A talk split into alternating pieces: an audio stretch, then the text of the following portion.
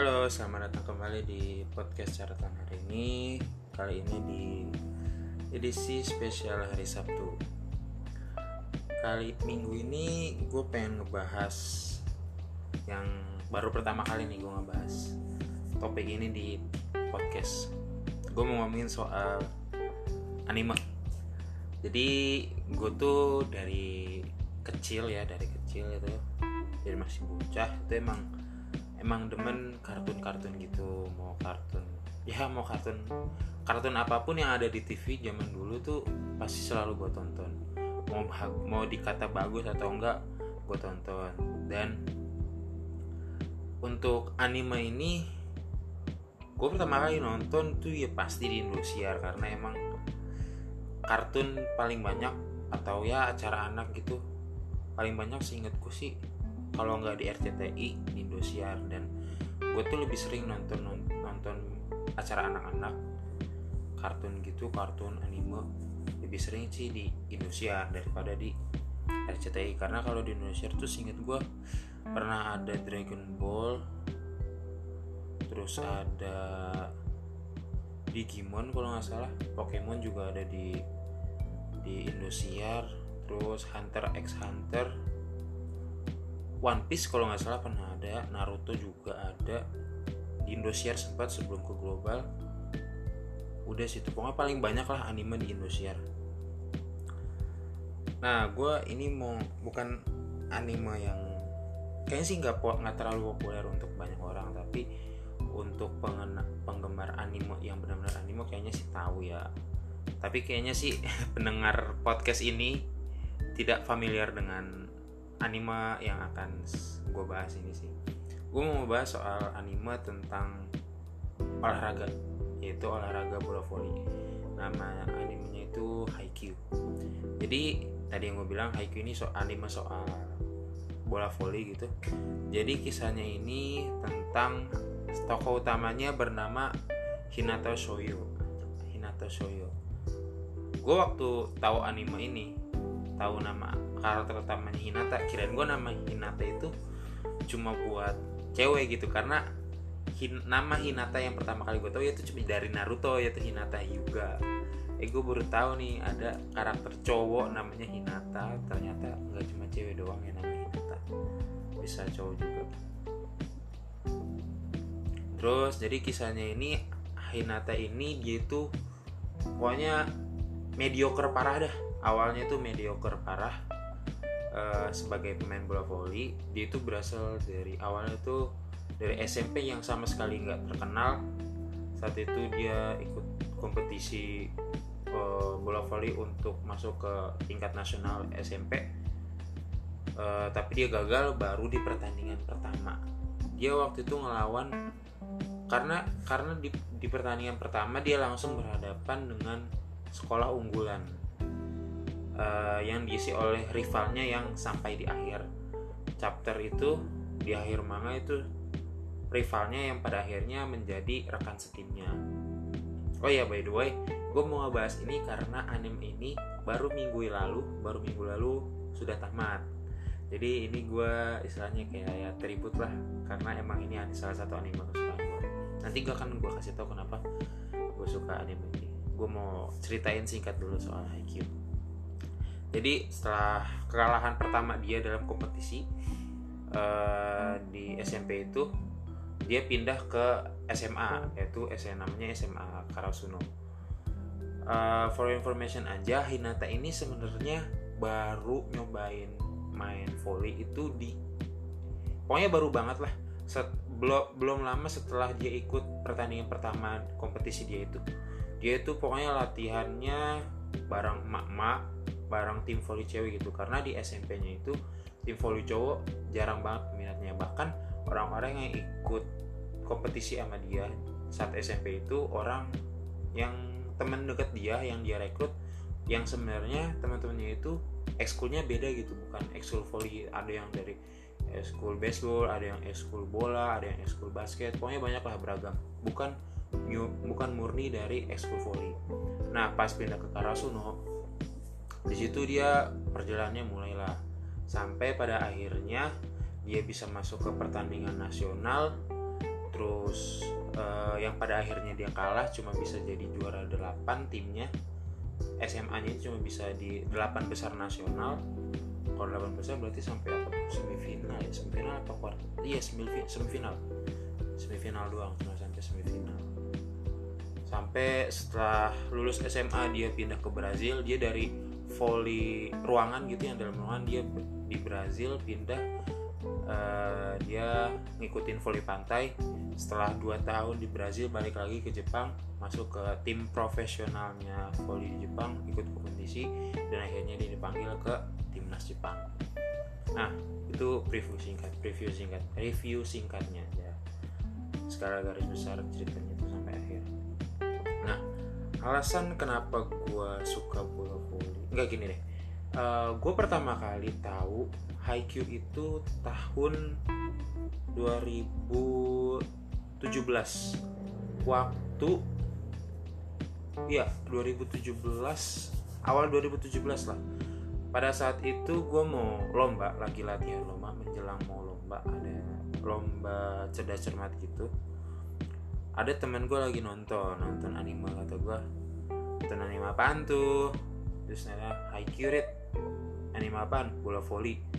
Nah kebetulan pada saat itu pada saat SMA awal masa SMA gue tuh ekskul ikut ekskul volley itu jujur ekskul olahraga pertama yang gue ikutin karena SMP ekskul gue aja PMR dan gue tadinya pengen ikut lagi sebenarnya cuma kayaknya malas aja udah tiga tahun PMR di SMP dan itu udah ya gue nggak mau berpuas diri tapi gue ngerasa cukup lah pendidikan palang merah gue di SMP karena pada akhirnya di SMA pun sebenarnya diulang lagi materinya. Setahu gue ya maaf mohon maaf kalau misalkan salah.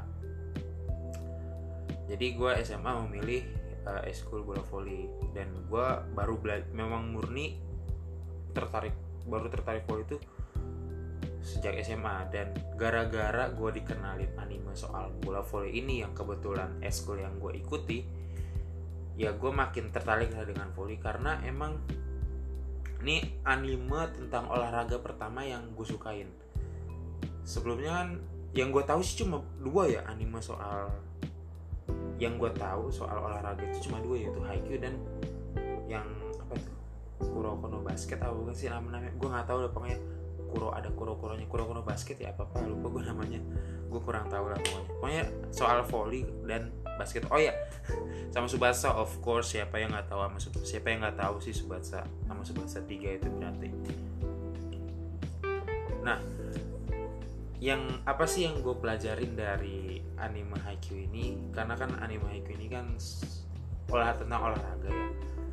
Gue tuh jujur sangat sangat belajar banyak dari anime ini karena ini kan soal olahraga ya olahraga bola voli di mana ada enam orang dalam enam orang dalam satu tim di lapangan. Dua tim 12 orang 12 orang dua tim satu tim terdiri dari enam orang di lapangan. Itu tuh sangat berkaitan erat dengan lomba yang gue ikuti selama dua setengah tahun di SMA di mana pelajaran yang gue ambil dari Haikyuu itu gue terapkan di tim gue yang kebetulan tim lomba gue di situ gue sebagai ketuanya.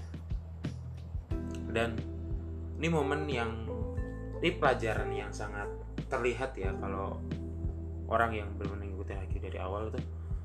Uh, jadi gini Hinata ini kan awalnya dari SMP yang sangat tidak dikenal sangat sangat tidak dikenal dan dia pun sangat sangat baru belajar gitu. Teknik-teknik bola voli pun dia masih sangat gembel lah. Tapi dia punya keunggulan di mana dia itu punya insting insting alami dalam dirinya itu untuk melompat dan spike mungkin spike itu sama kayak kalau di bulu tangkis itu kayak smash. Spike kalau di kalau di volley itu namanya spike dia punya insting alami di mana dia meskipun badannya kecil di bawah rata-rata pemain volley pada umumnya tapi dia punya insting alami untuk mengejar bola apa pun yang diberikan kepada dia. Dan dia punya lompatan yang tinggi untuk ukuran manusia yang kecil gitu untuk manusia untuk orang yang pendek. Nah dari dia karena dia mengetahui kekurangannya dia terus berlatih dia meningkatkan skill-skillnya gitu. Dia belajar receive dia belajar passing dia belajar spike terus dia belajar teknik-tekniknya lah mau blok kerja sama tim itu dia belajar gitu. Dari yang awalnya diremehin terus dia ketemu rivalnya waktu eh, bukan rival sih apa ya kayak rival mungkin pokoknya dia itu yang tadi gue bilang yang lawannya di SMP itu pada akhirnya dia ketemu di SMA yaitu di SMA Karusno. Nah lawannya ini itu punya bakat alami dalam volley di mana dia itu posisinya sebagai setter. Setter itu orang yang mengumpan bola, mengumpan bola kepada spikernya, orang yang smash gitu. Dia itu punya bakat alami di mana umpannya itu sangat presisi, selalu tepat sasaran lah Hinata itu gue kagum sih gimana proses kerja keras dia di mana dia mau belajar dari apa pun yang ada di sekelilingnya tanpa meremehkan uh, siapa pun yang ada di lapangan. Baik itu mau dia bermain atau enggak dia selalu memperhatikan tiap lawannya gitu. Tidak tidak lewat satupun yang enggak dia perhatiin gitu uh, dia tuh punya tekad yang apa ya? Gimana gimana sih kalau orang yang udah udah mendedik, mendedikasikan hidupnya terhadap sesuatu ya Hinata ini udah mendedikasikan hidupnya buat volley di mana dia tuh pengen jadi pemain volley terhebat di posisinya gitu. Gue tuh ngeliat banget dari anime ini di mana gue sadar dalam sebuah tim itu tuh tiap orang punya perannya masing-masing dan untuk menang itu tuh nggak bisa. Dalam tim ya dalam tim dalam perlombaan tim itu kita nggak bisa menang hanya karena ada satu orang yang sangat menonjol dan kita nggak bisa gitu bergantung hanya dari orang tersebut. Karena karena ini tim men. Lo lomba tim kalau cuma satu orang yang nge-carry yang nge yang nge apa sih yang ngedorong tim lu itu satu orang tuh nggak akan bisa. Dan itu terbukti di anime itu di mana ada di uh, ada episodenya itu SMA Karusono SMA nya si Hinata ngelawan SMA unggulan di mana ada satu orang yang satu orang itu dia udah jadi salah satu anggota tim nasional volley Jepang untuk anak muda gitu.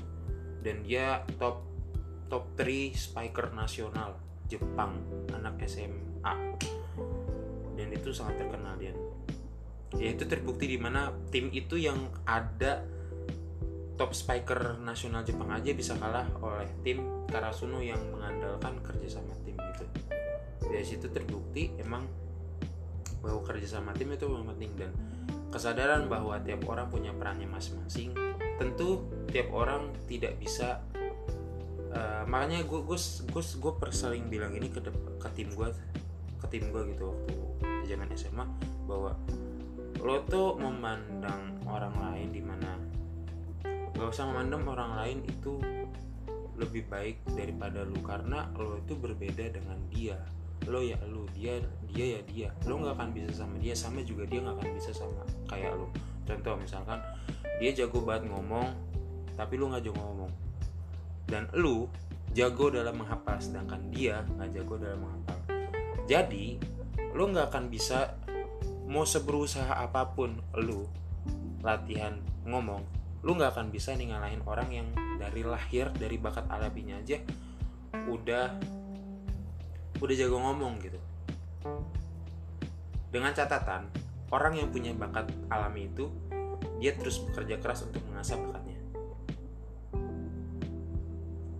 Dia akan kalah dia akan terlewati apabila orang yang punya bakat ini tidak berkeras dan orang yang tidak punya bakat dan dia terus bekerja keras maka dia akan bisa mengalahkan orang yang punya bakat ini.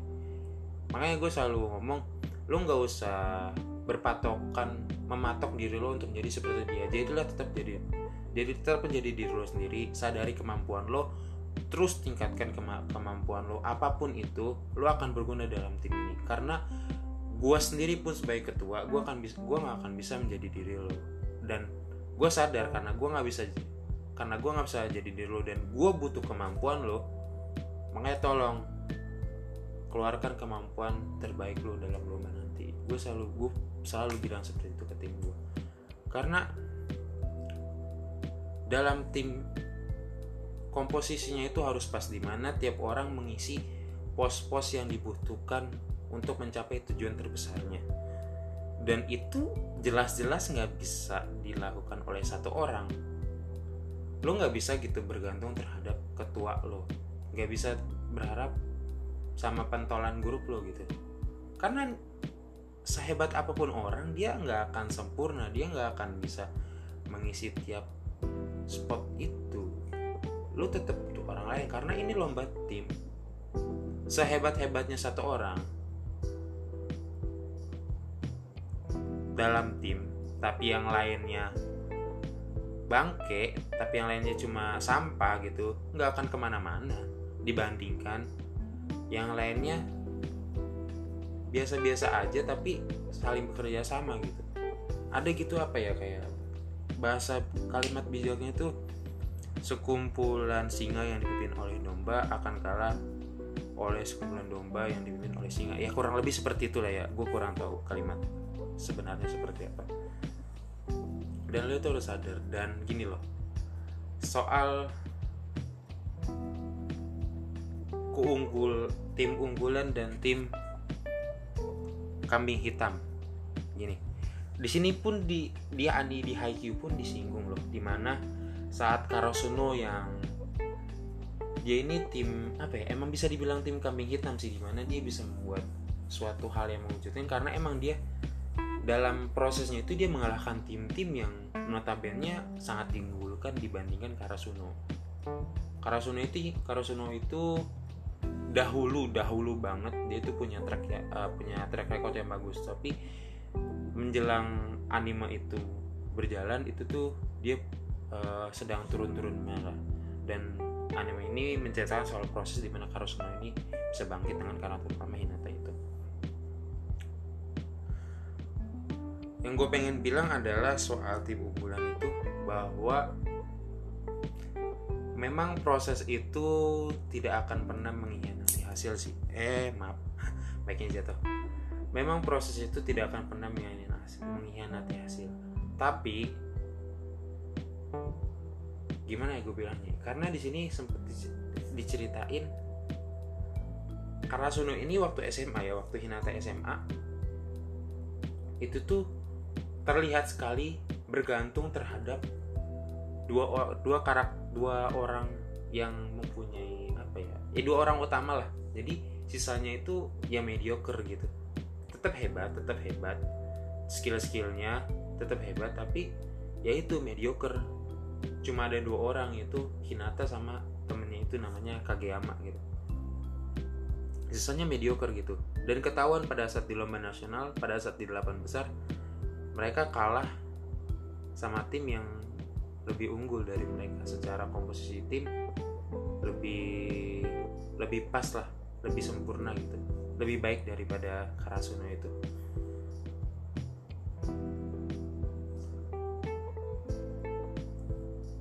dan meskipun gini gue mau bilang gini. Ini gue ngomong soal individu ya soal individu. Di mana saat lu berusaha saat lu dalam persaingan gitu dalam persaingan dan lu masuk ke tempat yang tidak diunggulkan oleh banyak orang. Dan pada saat tim lu ini yang tidak diunggulkan bertemu dengan tim yang sangat diunggulkan sangat sudah diduga oleh banyak orang ah udah dia mah pasti menang. Tapi setidaknya setidaknya lo berusaha untuk melawan lo berusaha untuk menunjukkan kalau lo itu pengen menang. Karena dalam perlombaan itu untuk gue ya untuk gue pribadi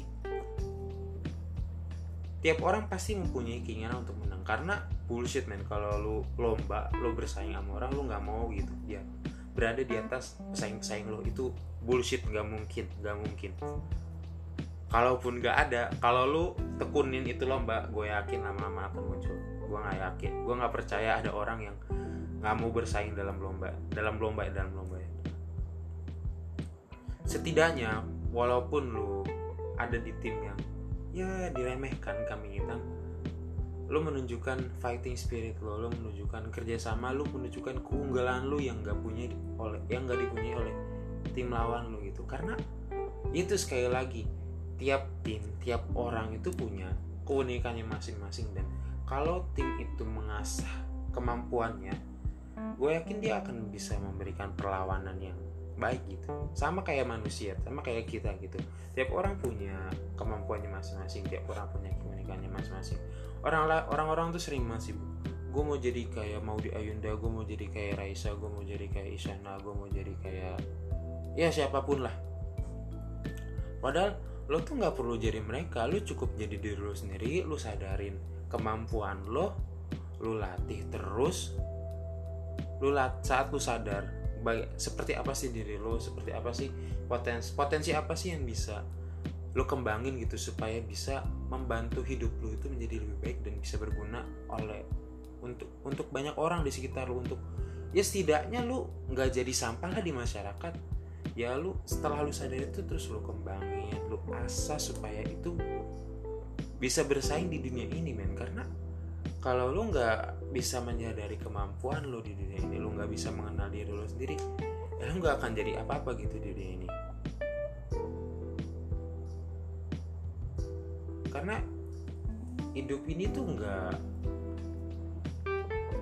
nggak statis tapi dinamis ada naik ada turunnya dan itu tuh semua orang ngalamin. Nggak nggak cuma satu dua orang nggak cuma lo nggak cuma gue tapi semua orang gitu. Dan tiap orang punya prosesnya masing-masing tiap orang punya perjalanan masing-masing. Oh nggak apa-apa ngelihat orang nggak apa-apa kagum. Tapi jangan membuat kisah hidup orang lain proses hidup orang lain itu sebagai patokan hidup lu gitu. Karena emang karena pada dasarnya lu aja berbeda. Bahkan orang kembar pun anak kembar pun mempunyai jalan hidup yang berbeda. Tidak semuanya sama gitu. Meskipun mereka kembar tapi meskipun secara genetik mereka sekembar ya tapi orientasi mereka bisa aja berbeda. Nggak selalu sama gitu. Dan sini terbukti di anime ini bahwa meskipun Hinata berasal dari tim yang sangat mediocre dalam prosesnya dia terus berusaha dia sadar akan kemampuannya dia banyak belajar dari sekelilingnya dia nggak malu untuk belajar dari senior seniornya dan dia menghormati senior seniornya dia respect gitu dia belajar sampai pada akhirnya dia bisa berada di panggung yang sama dengan para seniornya itu. Dan menurut gua wah gila itu nggak ada itu aja udah sudah sangat sangat sangat wow gitu loh prosesnya. Nggak semua orang bisa nggak semua orang mau menjalani proses itu dan. Itu pelajaran yang sangat berharga. Dan ini sih ini quote yang paling nempel gitu di gua selama gue baca manganya atau gue nonton animenya. Ini belum ada di anime ini ada di eh ada nggak ya? Udah ada. Udah ada belum sih?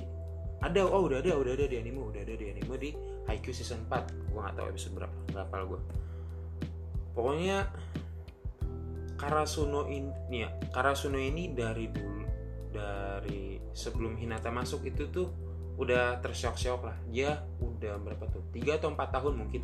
Gak masuk ke kejuaraan nasional volley tingkat SMA padahal sebelumnya itu ya itu dia tuh langganan lah langganan masuk nasional gitu.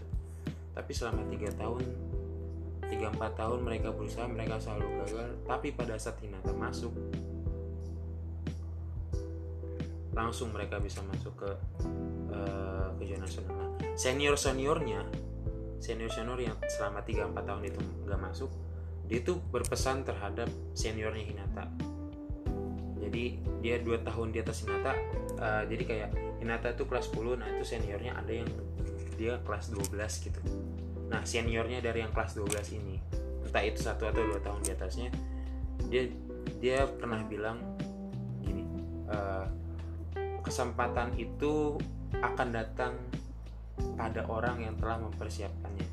Dan pada saat kesempatan itu datang tolong jangan disia-siakan. Dan itu benar-benar dibuktikan oleh tim Karasuno pada saat mereka mendapat kesempatan sampai di final uh, tingkat provinsi. Mereka berhadapan dengan tim unggulan provinsinya istilahnya. Provinsi dia dan mereka menang. Dan itu terbukti bahwa mereka memang tidak menyia-nyiakan kesempatannya. Dan sebelumnya pun mereka sudah mempersiapkan untuk mencapai kesempatan itu. Jadi teman-teman, kesempatan kita untuk bisa sukses enggak serta merta datang begitu saja kepada kita, tapi kita harus bisa mempersiapkan diri kita supaya kita menjemput kesuksesan itu, bukannya kita menunggu kesuksesan itu datang. Makanya itu gue selalu mengingatkan diri gue dan teman-teman yang kalau cerita soal hal-hal seperti hal-hal inilah bahwa kita tuh nggak usah berorientasi terlalu jauh kita nggak usah terlalu overthinking terhadap masa depan kita. Kita tuh sebagai anak muda tuh nggak usah terlalu khawatir gitu tentang masa depan kita. Yang penting kita hidup aja hari ini kita buat kita lakuin yang terbaik supaya perlahan-lahan puzzle dalam hidup kita ini perlahan-lahan itu akan tersusun gitu. Sampai kesuksesan atau sampai puzzle, sampai gambar dari puzzle ini lama-lama akan terlihat seperti apa. Ini prinsip gue, prinsip yang selalu gue bilang kalau gue ditanya prinsip hidup lo apa sih, Dit? Kalau masuk organisasi sering tanya kan tuh prinsip hidup. Ini gue selalu, ini udah dari gue kelas 10 gue selalu ngomong progress not perfection. Yang penting itu ber, berproses setiap harinya. Bukan bukan berorientasi pada kesempurnaan. Karena kesempurnaan itu pun kita tidak tahu sebagai manusia kesempurnaan itu seperti apa.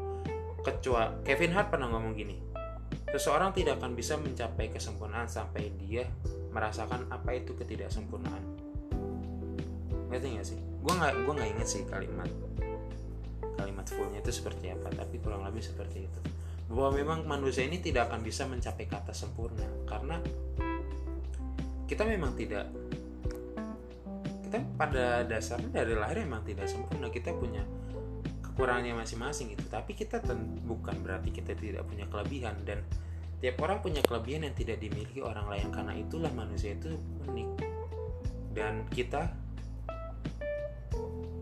harus bisa menyadari apa kelebihan kita, apa keunikan kita, apa sih dalam diri kita ini dalam dalam diri kita ini yang tidak dimiliki orang lain yang kalaupun gak di walaupun ada dimiliki orang lain tapi setidaknya kita punya sesuatu yang lebih gitu dari orang lain gitu.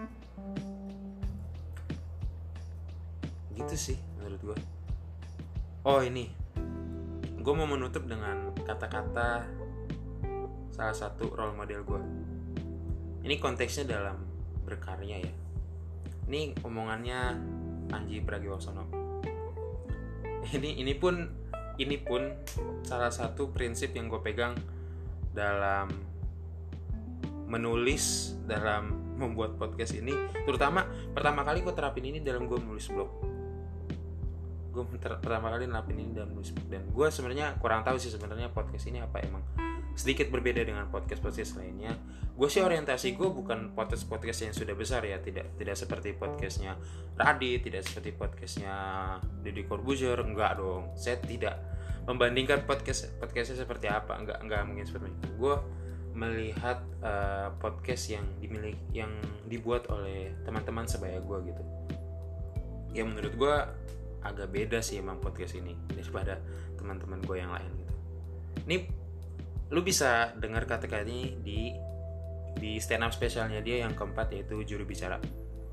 Panji ngomong gini sedikit lebih beda lebih baik daripada sedikit lebih baik. Gue ulangi sedikit lebih beda sedikit lebih beda lebih baik daripada sedikit lebih baik. Gitu aja dari gue lo ya gila panjang juga nih gue ngebahas anime buset. Ini paling lama loh gue nggak pernah ngerekam sampai selama ini. Hampir mau 30 menit. Wow udah. Thank you yang udah dengerin. See you when I see you. Bye bye